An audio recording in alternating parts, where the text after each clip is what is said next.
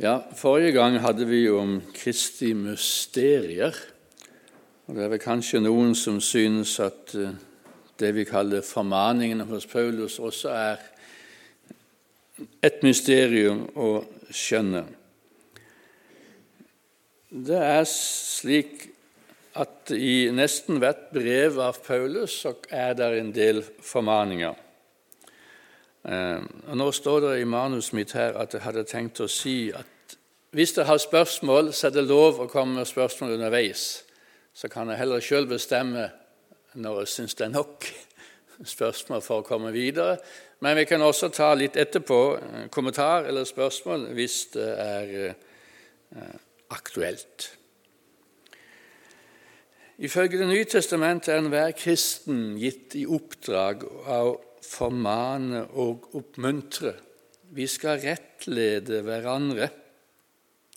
Ja, I Romerbrevet kapittel 12 er dette til og med angitt som en av nådegavene. Og da må det jo være viktig at vi formaner hverandre, rettleder hverandre. Men da er det også viktig å ha klarhet i hva er det å formane. Er det pekefingeren, eller er det noe mer enn pekefingeren? Så er det også slik at de nytestamentlige formaningene de blir, er blitt og blir ofte kritisert. Og Kritikken rammer ikke minst de som, formaningene som stammer fra Paulus. Og jeg møter den kritikken i faglitteraturen, du kan møte det i samtale med folk som har hørt noe eller lest noe om Paulus, av Paulus. Og Ikke minst gjelder det de formaningene som gjelder forholdet mann og kone. Paulus er kvinnefiendtlig. Kan ikke fordra han. Der er de som sier det. Han, har, han er kvinnefiendtlig, han vi må kan bare legge han vekk. Nå er teksten om mann og kvinne tekstene for i kveld, så får vi se eh, hva vi finner der. Det er ikke sikkert at han er så kvinnefiendtlig som i hvert fall noen sier. Noen sier faktisk at Paulus tvert imot, istedenfor å være kvinnefiendtlig, er kvinnefrigjørende ikke minst sett i, i datidens samfunn. Det å formane, det er jo ikke noe nytt. og Det var ikke bare Paulus som gjorde det. Vi har formaninger fra andre eh, forkynnere fra den tida, enten de filosofer eller de andre, så formante de i sine taler. Alle Paulus' brev ser ut til å ha formaningsavsnitt. Noen har ganske store. Hvis dere ser her, så ser dere i Romerbrevet har vi kapittel 12-15, som er formaningsavsnitt. I Galaterbrevet har vi kapittel 5 og 6. Kolosserbrevet har vi mesteparten av to, hele tre og noe kapittel 4. I Feserbrevet kan vi si vi har i hvert fall kapittel 4, 5 og egentlig hele kapittel 6. I Filipperbrevet kapittel litt mindre, men kapittel 4. I de stedene hvor liksom det bare er formaning. Men av og til, og ganske ofte faktisk, i noen av brevene, så kommer det formaning midt inni, og så kommer det belærende avsnitt, og så kommer det ny formaning, og så kommer det belærende avsnitt, og så er det ny formaning. De avsnittene som er listet opp her, det er særlig de avsnittene som begynner med 'Jeg formaner dere'. Så kommer et eller annet som han formaner om. Men det er ofte en, en veksling mellom læremessige avsnitt og formaninger. Og Nå har jeg tenkt at vi skulle gjøre som vi har gjort tidligere. Vi skal lese et avsnitt i, fra Efeserbrevet eh, som er sentralt her. Jeg er usikker på hvor mye dere klarer å se av det, men hvis vi tenker oss fra kapittel 4 ut til 6-9, så begynner Paulus i kapittel 4,1.: Så formaner jeg dere, jeg som er fange for Herrens skyld, at Og så kommer det han formaner de om. Det begynner med en innledende motivering, og så kommer det en konkretisering. Lev ikke lenger slik som hedningene, som blir enda mer konkretisert litt lenger ut i kapittelet. Så kommer vi til kapittel 5. Ha Gud som forbilde dere som er hans elskede barn. Og Så kommer det konkretiseringer fra vers 3 og utover til 20 hva, hva det består i. Så i kapittel 5, 21 utover, vær hverandre underordnet ærefrykt for Herren. Der kommer avsnitt om kone og mann, om barn og foreldre, og om slave og herrer. Og til slutt, i 6.10, bli sterke i Herren Hans veldige kraft. Men da er vi over i temaet for neste gang. For da skal vi ha akkurat om det om å bli sterke og om å ta Guds fulle rustning på. Men det er det jo en fire ukers tid til.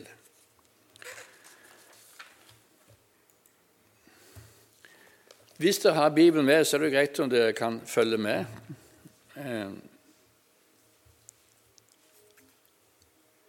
Jeg er litt i tvil om vi skal lese hele avsnittet. Jeg tar fra 4.1 og utover, og så hopper jeg over til 5.1 utover.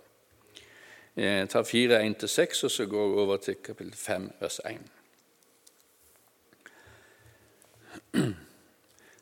Så formaner jeg dere, jeg som er fange for Herrens skyld, at dere lever et liv som er verdig det kallet dere har fått, i mildhet, ydmykhet og stor sinn, så dere bærer over med hverandre i kjærlighet. Sett alt inn på å bevare Åndens enhet i den fred som binder sammen. En kropp, en ånd, slik dere fikk ett håp da dere ble kalt, en Herre, en tro, en dåp, en Gud og alles far, Han som er over alle og gjennom alle og i alle.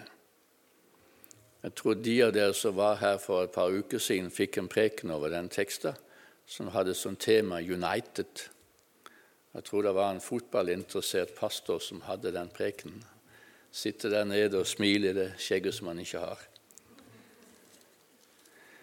Så hopper vi til eh, kapittel 5, Eh, vers 1 og leser ut til 6, 9. Ha Gud som forbilde, dere som er Hans elskede barn.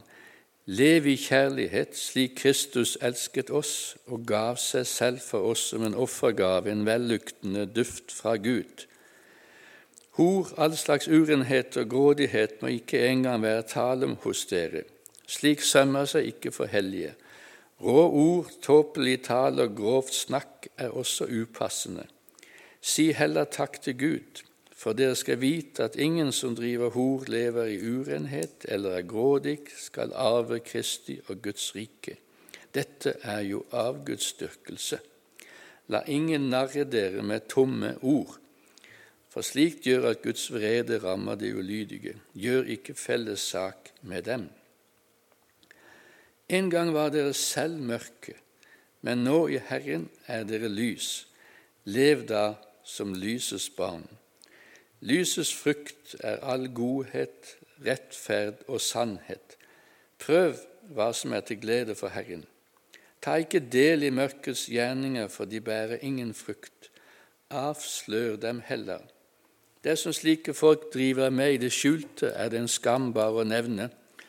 Men alt kommer for dagen når det blir avslørt av lyset. Og alt som kommer for dagen, er lys. Derfor heter det, våkn opp, du som sover, stå opp fra de døde, og Kristus skal lyse for deg.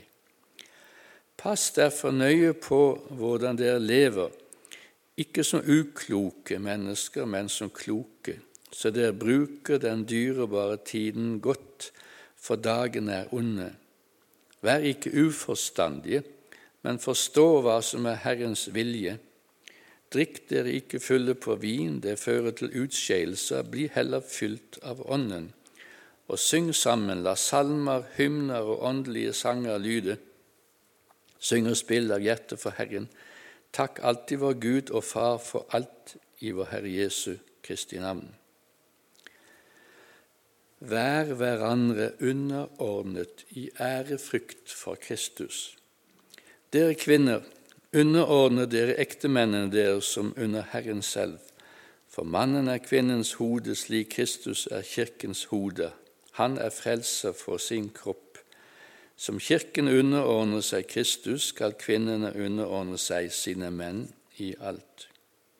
Dere menn, elsk konene deres, slik Kristus elsket Kirken og ga seg selv for den, for å gjøre den hellig og rense den med bade i vann, i kraft av et ord slik ville han selv føre Kirken fram for seg i herlighet uten den minste flekk eller rynke. Hellig og uten feil skulle den være. På samme måte skal altså mennene elske sine koner som sin egen kropp. Den som elsker sin kone, elsker seg selv. Ingen har noen gang hatet sin egen kropp. Nei, man gir kroppen næring og pleier den på samme måte som Kristus gjør med Kirken for vi er lemmer på hans kropp. Derfor skal mannen forlate far og mor og holde fast ved sin kvinne, og de to skal være én kropp. Dette er et stort mysterium. Jeg tenker på Kristus og Kirken, men det gjelder også hver enkelt av dere. Hver mann skal elske sin kone som seg selv, og hun skal ha respekt for sin mann. Dere barn, Vær lydige mot foreldrene deres, Herren, for det er rett og riktig. Du skal hedre din far og din mor. Dette er det første budet med et løfte, så det kan gå deg godt og du kan leve lenge i landet. Dere foreldre, vekk ikke sinne og trass hos barna deres, men gi dem omsorg, så de får en oppdragelse og rettledning som er etter Herrens vilje. Dere slaver, Vær lydige mot deres jordiske herrer som, er, som mot Kristus selv, med respekt og ærefrykt og av et oppriktig hjerte. Vær, vær ikke øyentjener som bare vil gjøre mennesker til lags, men Kristi tjenere som helhjertet gjør Guds vilje. Gjør tjeneste med et villig sinn. Det er Herren og ikke mennesker dere tjener og dere vet at Herren skal gi hver enkelt igjen for det gode han gjør, enten han er slave eller fri. Dere herrer, gjør det samme mot slavene deres. Bruk ikke trusler. Dere vet at både de og dere har samme Herre i himmelen, og han gjør ikke forskjell på folk. Der stopper vi. Én ting skal i hvert fall være å si om Paulus og hans formaninger. Han er konkret. Det er ikke noe diffust i flere av disse formaningene hva han egentlig mener. Eh, og det gjør han mange ganger veldig konkret. Nå har jeg tenkt å si litt om fire ting som er viktig å ha med når vi leser formaningene. Fire mer eh, generelle ting, men ting som angir hvordan eller hvorfor Paulus formaner, og hvordan vi skal lese de. Det første punktet er at formaningene i Paulusbrevene de er menighetsetikk. De er skrevet til mennesker som hørte til i de kristne menighetene rundt om i Romerriket. De er skrevet til kristne. Det er ikke forskrifter for samfunnslivet generelt. Det er ikke allmenne regler for alle mennesker, men for de som har tatt del i troen, eller som Paulus ville si, de som har tatt skrittet over fra flerguderi til den ene Gud, fra de mange til den ene Herre Jesus Kristus. Formaningen har dermed som forutsetning og bakgrunn at det har vært en misjonsforkynnelse og at det er blitt etablert menigheter. Det kommer ikke minst til syn i det, det som vi kaller basis, som han har når han formaner. Han gir den til et folk som er annerledes. og som har et kall om å være annerledes. Slik det er altså menighetsetikk. Ikke allmenne regler. Selvfølgelig kan de brukes videre, men mange av de, men primært slik de begrunnes og slik de er gitt, så er de for de kristne, for menigheten. De gis og begrunnes i frelseshendingen. Det gis på basis av den tildelte frelse. Du skal leve i det du har fått.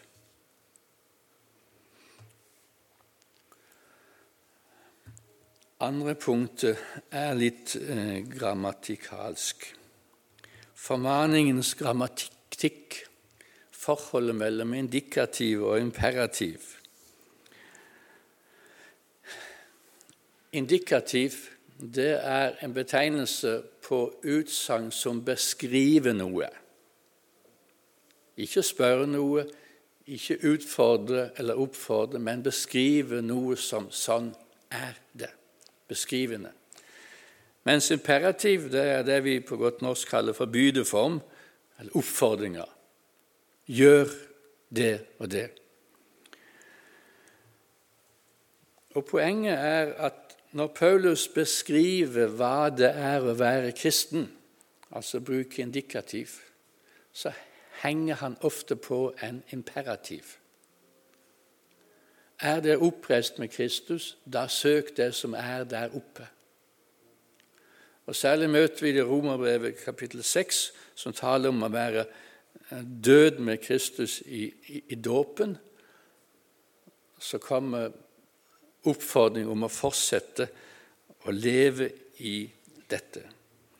De som er døde bort for synden. I neste øyeblikk kommer det oppfordringen la ikke synden herske deres dødelige legeme.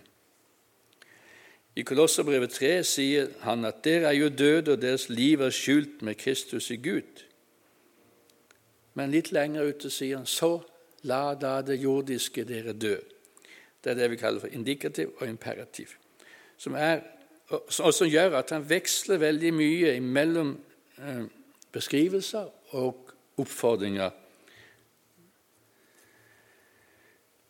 De kristne er borgere av en annen virkelighet. De er allerede satt i himmelen i Kristus. Så må de også leve sånt, sier han. Det tredje er at formaningene er ikke bare formaninger. Det greske ordet som oversettes med 'å formane', heter parakaleo. Men det er et merkelig ord fordi det har så mange betydninger. Formane er bare én av de mange betydningene. Det er slik med et ord at det har ikke bare én fast betydning eller to. Vi kan ikke si på forhånd alltid hva det kan bety.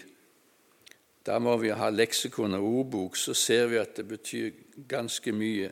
Derfor bruker vi å si at et ord har et betydningspotensial som blir aktualisert i den enkelte situasjonen.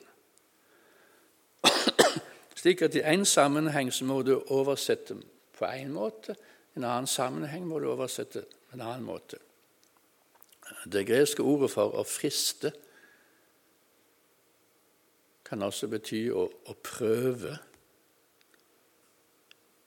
Hvis det er den onde som er subjekt, som er den som gjør handlingen, så frister han, mens Gud prøver, oversetter vi det. Men det er samme ordet. Det er samme ord på gresk som oversettes. Friste der, prøve der. Når det gjelder ordet for, som oversettes med formaning, så er det enda videre. I Paulus' brev i Romane, kapittel 12, vers 8 skal jeg slå opp så jeg er sikker på å få det rett. Der han, handler det om nådegavene. At vi må ta vare på de nådegavene som er gitt. Den som har profetisk gave, skal bruke den i samsvar med troen. Den som har en tjeneste, skal ta seg av sin tjeneste. Den som lærer, skal undervise. Og den som trøster, skal virkelig trøste. Men hvis noen av dere nå hadde eh, den vi kaller for norsk bibel, eh, som kom ut i 2000, eh, 1988 og fornya i 2007, så ville dere se den som skal ta vare på formaningen, ta vare på formaningen. Men i vår bibel står det 'trøste'. Og I den forrige utgaven av Bibelselskapet så sto det 'de som skal ta vare på rettledningen, ta vare på rettledningen'. Så i løpet av noen år så gikk vi fra den som skal formane, ta vare på formaningen, til den som skal rettlede, han må ta vare på rettledningen, til det vi har nå, hvis dere bruker siste bibelutgave, står det 'den som trøster, tar vare på trøsten'. Hva er det som har skjedd? Det er ikke blitt noe annet ord i grunntekster. Det er samme ordet hele tida. Men det er altså dette greske ordet parakaleo som, som har en sånn vid betydning. Det er ikke Jeg tror det og, og han som sitter der nede, kan bekrefte eller avkrefte det, at det var ikke ofte jeg erta studentene mine i forelesningene. Men det var én tilfelle jeg gjorde. Og jeg sa hvis dere ikke tar med dere gresken og bruker gresken, så er dere fargeblinde overfor betydningsinnholdet i Bibelen. Og Her har vi et eksempel på at når det går fra formane til rettleie til trøste, og noen spør deg hvorfor er det nå trøste, da eh, bør en teolog huske sin gresk at dette ordet er fullt av betydningsinnhold. Det betyr også at dersom vi forstår ordet 'formane' bare som den strenge refselsen 'Nå må du huske på at prikk, prikk, prikk', så har vi snevra inn formaningene. De betyr noe mer. Det kunne faktisk kanskje vært oversatt der og da. Jeg trøster deg, eller jeg legger deg på hjertet. Jeg ber deg om. Han stenger på pekefingeren som nådeløst og bebreidende rettes mot en svakheter. Er det bare den vi ser, er det bare den vi hører, så har vi misforstått hele saken. Så nå kan du gå hjem og se opp alle stedene hvor Paulus skriver 'Jeg formaner dere'. Så kan du tenke her kunne det stått 'jeg rettleder dere', eller 'jeg ber dere'. Og så kan du tenke hm, det kan kanskje oversettes med 'å trøste'. Og så kan du fundere på hva blir innholdet i, i det utsagnet du der leser der og da, når du tar med den betydningen. Med andre ord det klinger hele tida også med noe ifra oppmuntring og trøst og til en formaning i dette ordet.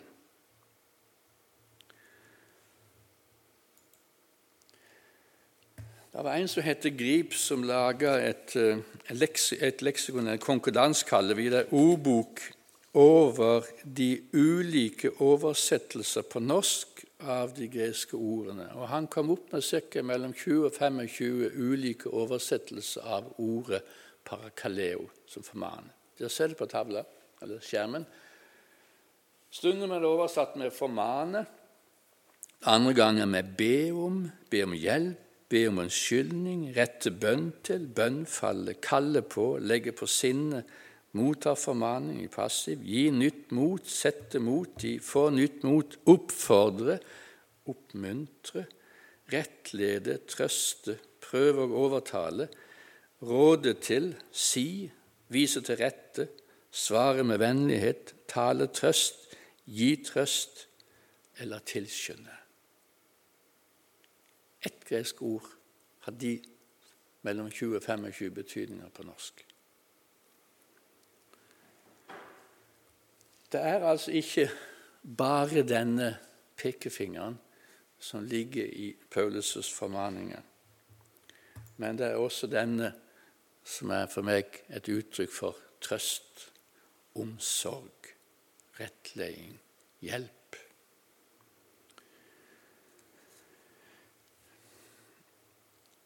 Parakeleo er et verb, et gjerningsord. Der er også et uh, substantiv som kommer av det samme.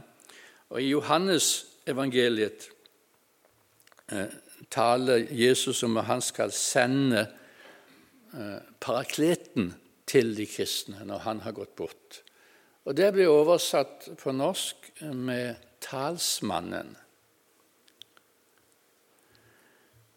Men jeg sjekka en svensk utgave i går, og der er det oversett med 'gjett hva'. Nei, ikke med 'gjett men med 'hjelperen'. Altså det som på norsk er oversatt med 'talsmann', får en annen oversettelse. 'Jeg skal sende dere hjelperen', som skal veilede dere til hele sannheten.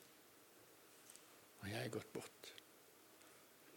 Neste gang du leser Johannes evangeliet som talsmann, kan du tenke en annen bibel som, som har ordet 'hjelperen'. Jeg har mange ganger fortalt om min, min onkel som bodde på Feda i de siste årene, og som likte å diskutere teologi med meg da jeg var teologisk student. Og Av og til endte han opp med at du, du må ta det som det står, Torry. Ikke kom med alle disse tolkningene. Og Da gikk jeg hen og kjøpte engelsk, et engelsk Nytestamente som hadde fire kolonner med én oversettelse i hver kolonne. Og Han hadde vært i USA, og han leste engelsk og kunne det greit. Så sier 'Her, onkel, her har du Nytestamentet med fire forskjellige oversettelser i.' Hvilken av den er det jeg skal ta som det står? Han sa det aldri mer. Men eh, da han var død, så fikk eh, den, den Nytestamentet tilbake igjen fra dattera hans. Eh, og jeg så at eh, den boka hadde ikke bare stått i bokhylla. Den hadde han brukt. Jeg tror han, han skjønte ikke bare poenget mitt, men jeg tror han likte det, for han var klar over at det er forskjellige oversettelser. Og det er ikke det er jo meint å være en rikhet fordi at det greske språk så mer eh, har så mye mer muligheter for å uttrykke ulike nyanser enn, enn vi har på norsk. Vi må bruke ulike ord. De bruker samme ordet for forskjellige eh, nyanser.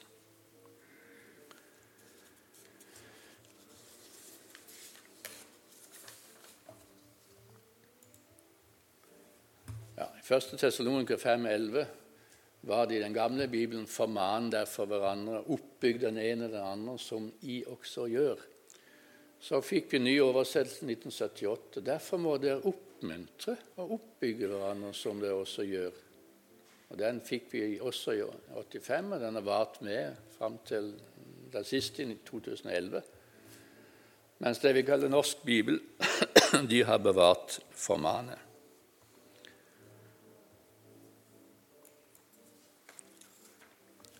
Så Det fjerde som er viktig når det gjelder å, å lese formaningene og skjønne dem, det er det jeg kaller for motiveringer for, for formaningene. Det er begrunnelser i menigheten som Guds eschatologiske folk. Det er et 'allerede enda ikke'. Allerede er du frelst, men du er ennå ikke fullstendig hjemme. Det er i denne mellomtida du er med i et annerledes folk og leve som det sømmer seg i forholdet til dem som er utenfor, sier Paulus i 1. test 4. Det er noen av, av begrunnelsene og motiveringene. Men kanskje den største motiveringen hos Paulus det er at en kristen har Jesus som Herre. For oss Det er nok sagt mange guder og mange herrer, sier han i første kor åtte. Men for oss, for oss, for oss er det bare én Herre, Jesus Kristus. Å bekjenne Jesus som Herre blir noe av et kjennetegn på hvem som var kristne. Ingen kan si Jesus er Herre uten i Den hellige ånd. 1. Korinterbrev 12,3. Og Betydningen av denne bekjennelsen skjønner vi kanskje når vi tar med at på denne tida var det først og fremst keiseren som var herre, Kyrios, og at de kristne i forfølgelsessituasjoner ble avkrevd å bøye seg for keiserens statue og bekjenne keiseren er herre. Mange gjorde ikke det, men de sa Jesus er herre, og måtte i flere tilfeller bøte med livet for det. Det fins mange guder, men for oss er det bare én Gud, Faderen, og for oss er det bare én Herre. Så tilbake til Efeserbrevet. Og Der ser dere det står Efeserbrevets hustavle. Det er en betegnelse vi har fra Paulus' omverden med en formaning som er skrevet, som tar for seg de ulike personene og deres roller i et hus. Kalles for hustavle. Og her fra kapittel 5, 21 utover handler det om dere kvinner, dere menn, dere barn, dere foreldre, dere slaver, dere herrer.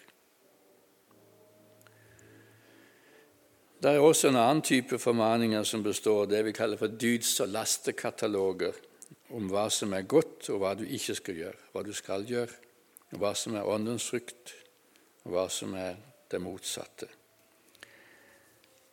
I disse hustavlene så angir han ganske konkret hvordan en skal ordne seg og vi kan kanskje bruke ordet 'innordne oss' sammen med hverandre. Men jeg tror du skal lese, hvis du har Bibelen, på, i kapittel 5, vers 21 først. Kanskje det verset står som en overskrift 'Vær hverandre underordnet i ærefrykt for Kristus'. Vær hverandre underordnet i ærefrykt for Kristus. Tar du det som overskrift, sett kolon bak, og så kommer hans konkretiseringer den gang da, da han skrev Efeserbrevet.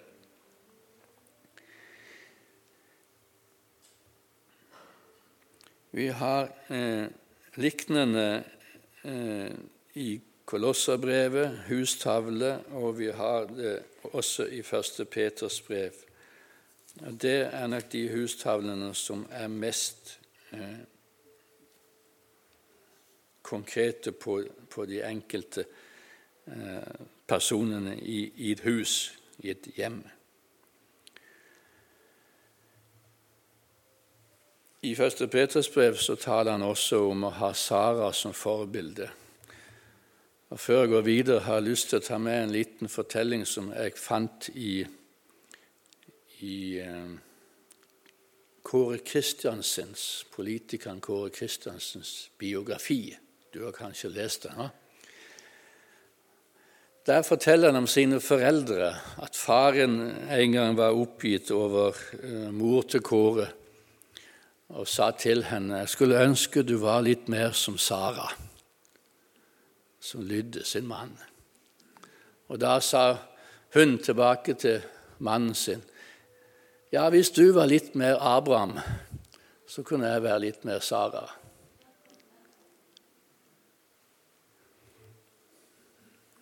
Og eh, når vi nå skal se på, litt på, eh, på konkrete, denne konkrete hustavla, så er det første utsagnet han har dere kvinner, underordner dere ektemennene deres som under Herren selv. Og Jeg føler det litt vanskelig å, å, å si her, fortsette med, hva, med hva, hva skal kvinnene gjøre. Så jeg har bedt en kvinne å si litt om det. nå.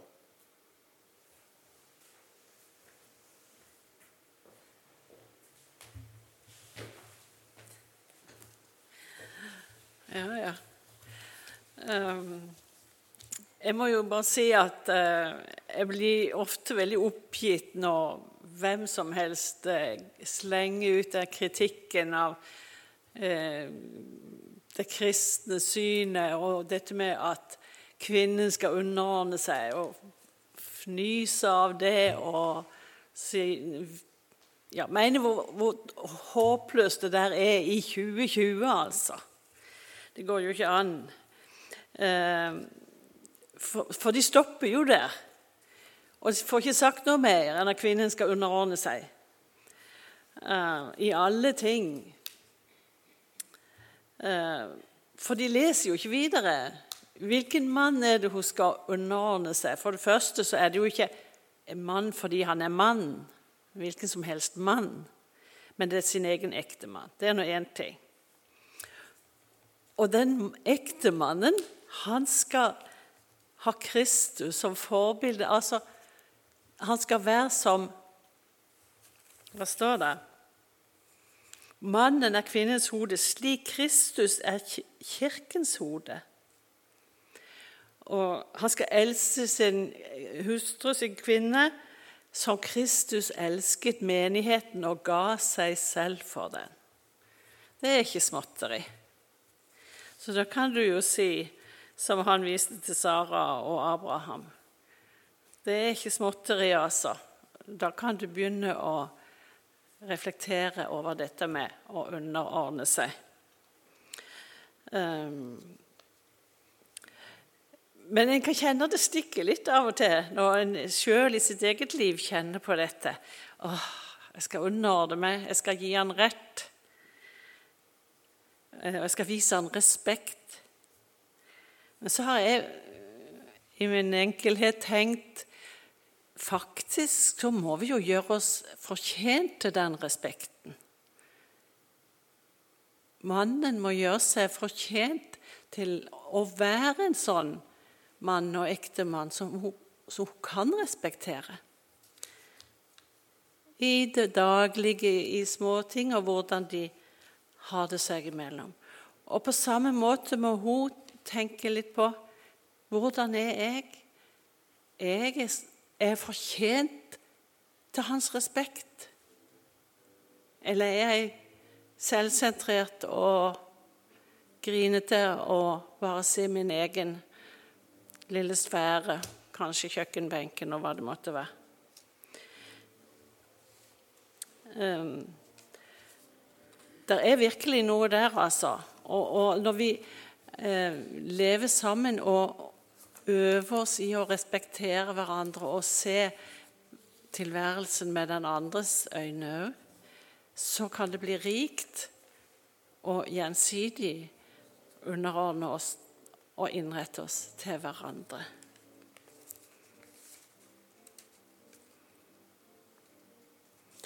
Um, så, så, eh, du kan møte dette her, du skal respektere, du skal under deg hvor lett det er å si ja, men Nei, men Vi kan tenke litt over våre egne responser over tanker det vekker i oss sjøl, og skjerpe oss litt. Jeg tror det var det jeg hadde tenkt å si.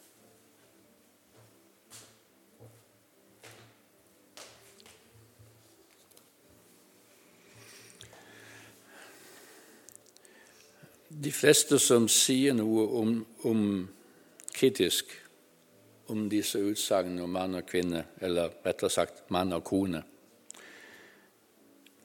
kommer stort sett aldri lenger enn til det som sies om kona og kvinna.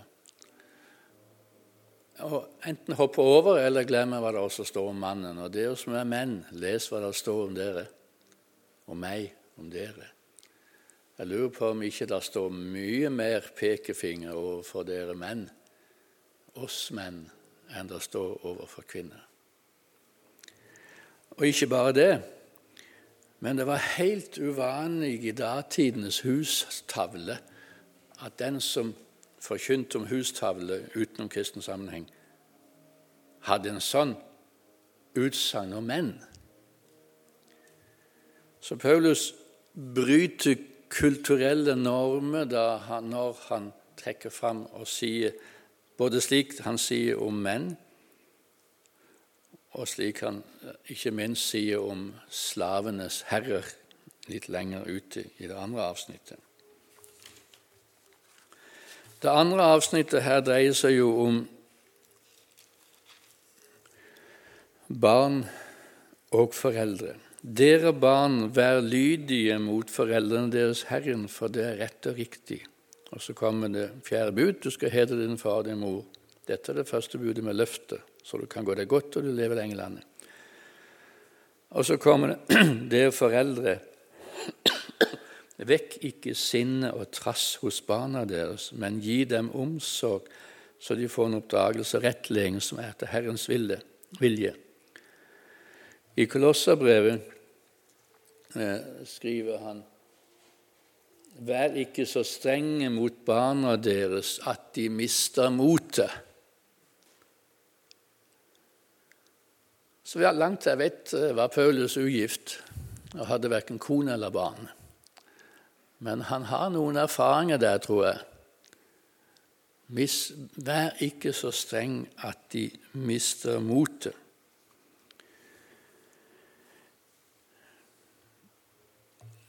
I, eh, jeg kommer over et utsagn et sted om at selv de prektigste foreldre selv med de prektigste foreldre blir alle barn utsatt for en behandling de av og til opplever som urimelig og urettferdig, og som de må bite i seg.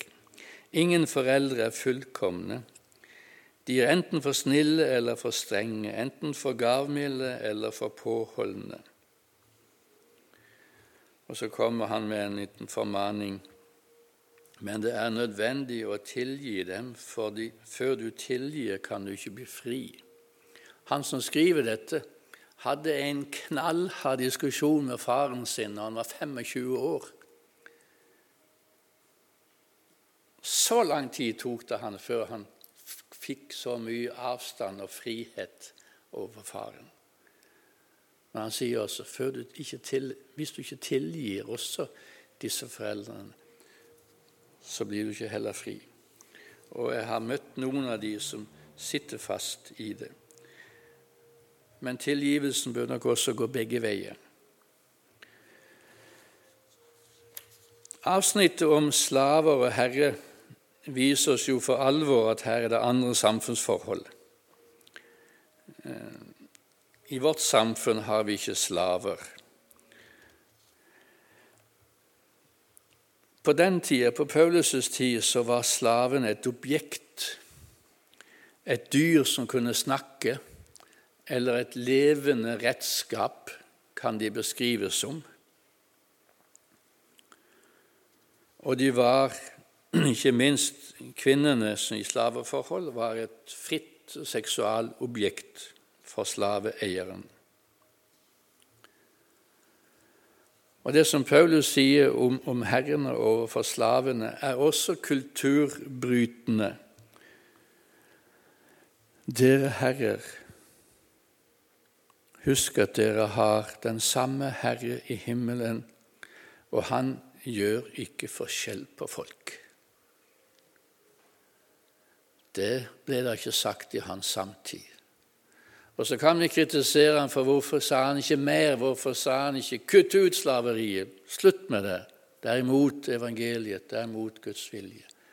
Men det er grenser for hva du i ulike kulturer kan si, hvor langt du kan gå med en gang. Etter hvert kan du gå lenger. Det opplever eh, misjonærer i den dag i dag som kommer ut i andre kulturer. Det går ikke an å få vekk alt som man synes er galt og som er galt. Det må gå skritt for skritt. Paulus gjorde noen skritt. Det tok dessverre fryktelig lang tid før man oppdaga det. Jeg husker Jeg tror det var på 80-tallet. Vi hadde en film som het, gikk på TV som heter Røtter. Roots. Og Der var det en, som, en slave som het Kintakunte. Og det er en scene hvor slaveeieren sitter inne i stua og leser Bibelen, mens vi ser gjennom vinduet at Kintakunte blir piska utafor.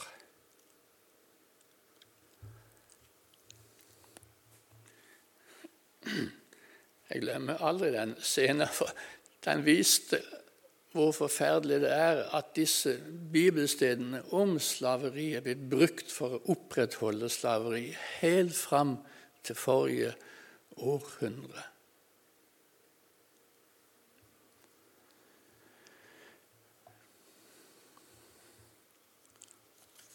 Men sånn har det vært, dessverre. Vi går mot eh, avslutning. Hvordan vi enn snur og vender på det, så innebærer et kristent liv også et moment av lydighet. Men det er ikke sier, en lydighet på lovens basis med fortjeneste for øyet, men en troens lydighet. Paulus har et underlig utsagn i, i Romerbrevet i kapittel 1. Ved ham sier han, altså ved, Kristus, har jeg fått nåde og aposteloppdrag for at jeg skal føre mennesker av alle folkeslag til lydighet i tro, til ære for Hans navn. Jeg ville heller oversatt det med troens lydighet, for det er, det, det er den gentiformen som er brukt på gresk. Troens lydighet. Og Det samme kom i slutten av romerbrevet. sier han i, i 1626 eh, at det har vært hans oppgave. Jeg kaller det heller en takknemlighetens lydighet. Det nye livet er fri fra Moseloven som Moselov som bringer fortjeneste, men det er ikke dermed fritt for retningslinjer. Forutsetter oss at forutsetter en lydighet en troens lydighet. Og så kan du gå hjem og gruble. Ha Gud som forbilde, dere som er Hans elskede barn.